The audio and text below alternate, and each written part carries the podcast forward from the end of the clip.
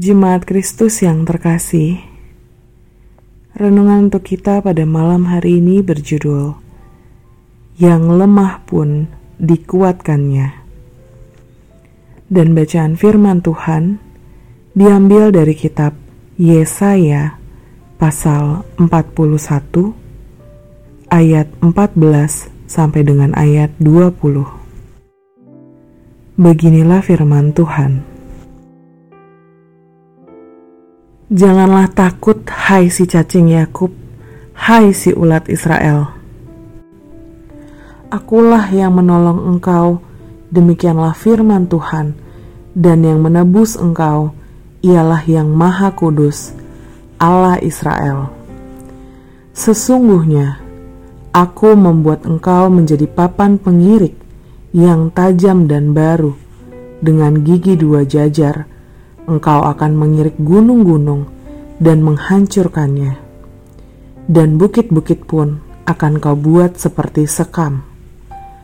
Engkau akan menampi mereka, lalu angin akan menerbangkan mereka, dan badai akan menyerakkan mereka. Tetapi engkau ini akan bersorak-sorak di dalam Tuhan dan bermegah di dalam Yang Maha Kudus, Allah Israel. Orang-orang sengsara dan orang-orang miskin sedang mencari air, tetapi tidak ada.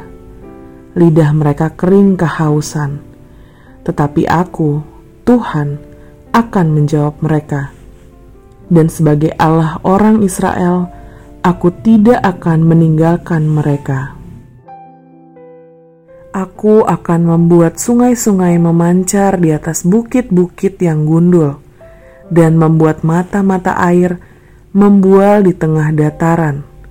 Aku akan membuat padang gurun menjadi telaga dan memancarkan air dari tanah kering. Aku akan menanam pohon aras di padang gurun, pohon penaga, pohon murat, dan pohon minyak.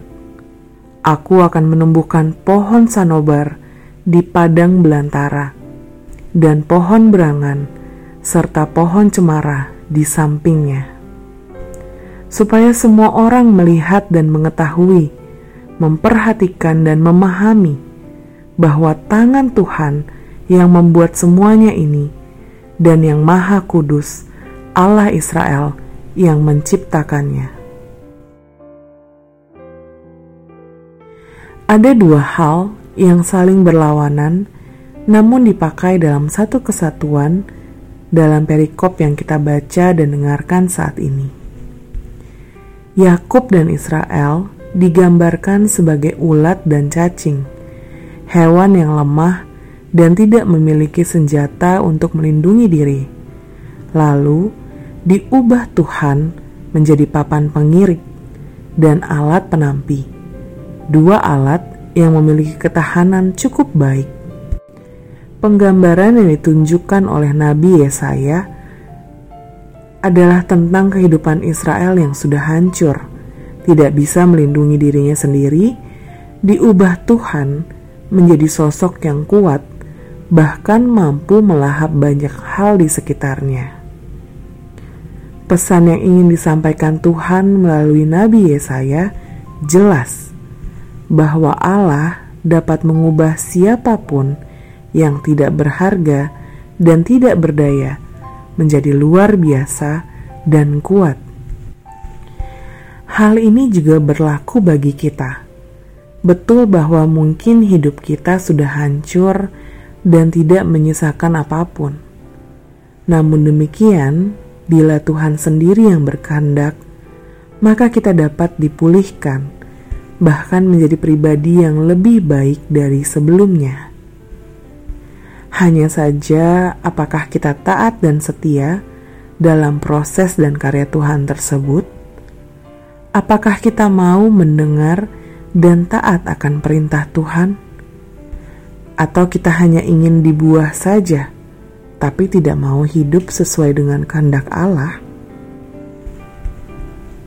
Ingat, saat dalam kelemahan dan ketaatanlah kita dapat lebih merasakan karya dari Tuhan. Demikianlah renungan pada malam hari ini. Semoga damai sejahtera dari Tuhan Yesus Kristus tetap memenuhi hati dan pikiran kita. Amin. Jemaat yang terkasih, mari kita bersatu hati, menaikkan pokok-pokok doa yang ada dalam gerakan doa 21 GKI Sarua Indah. Mari kita berdoa.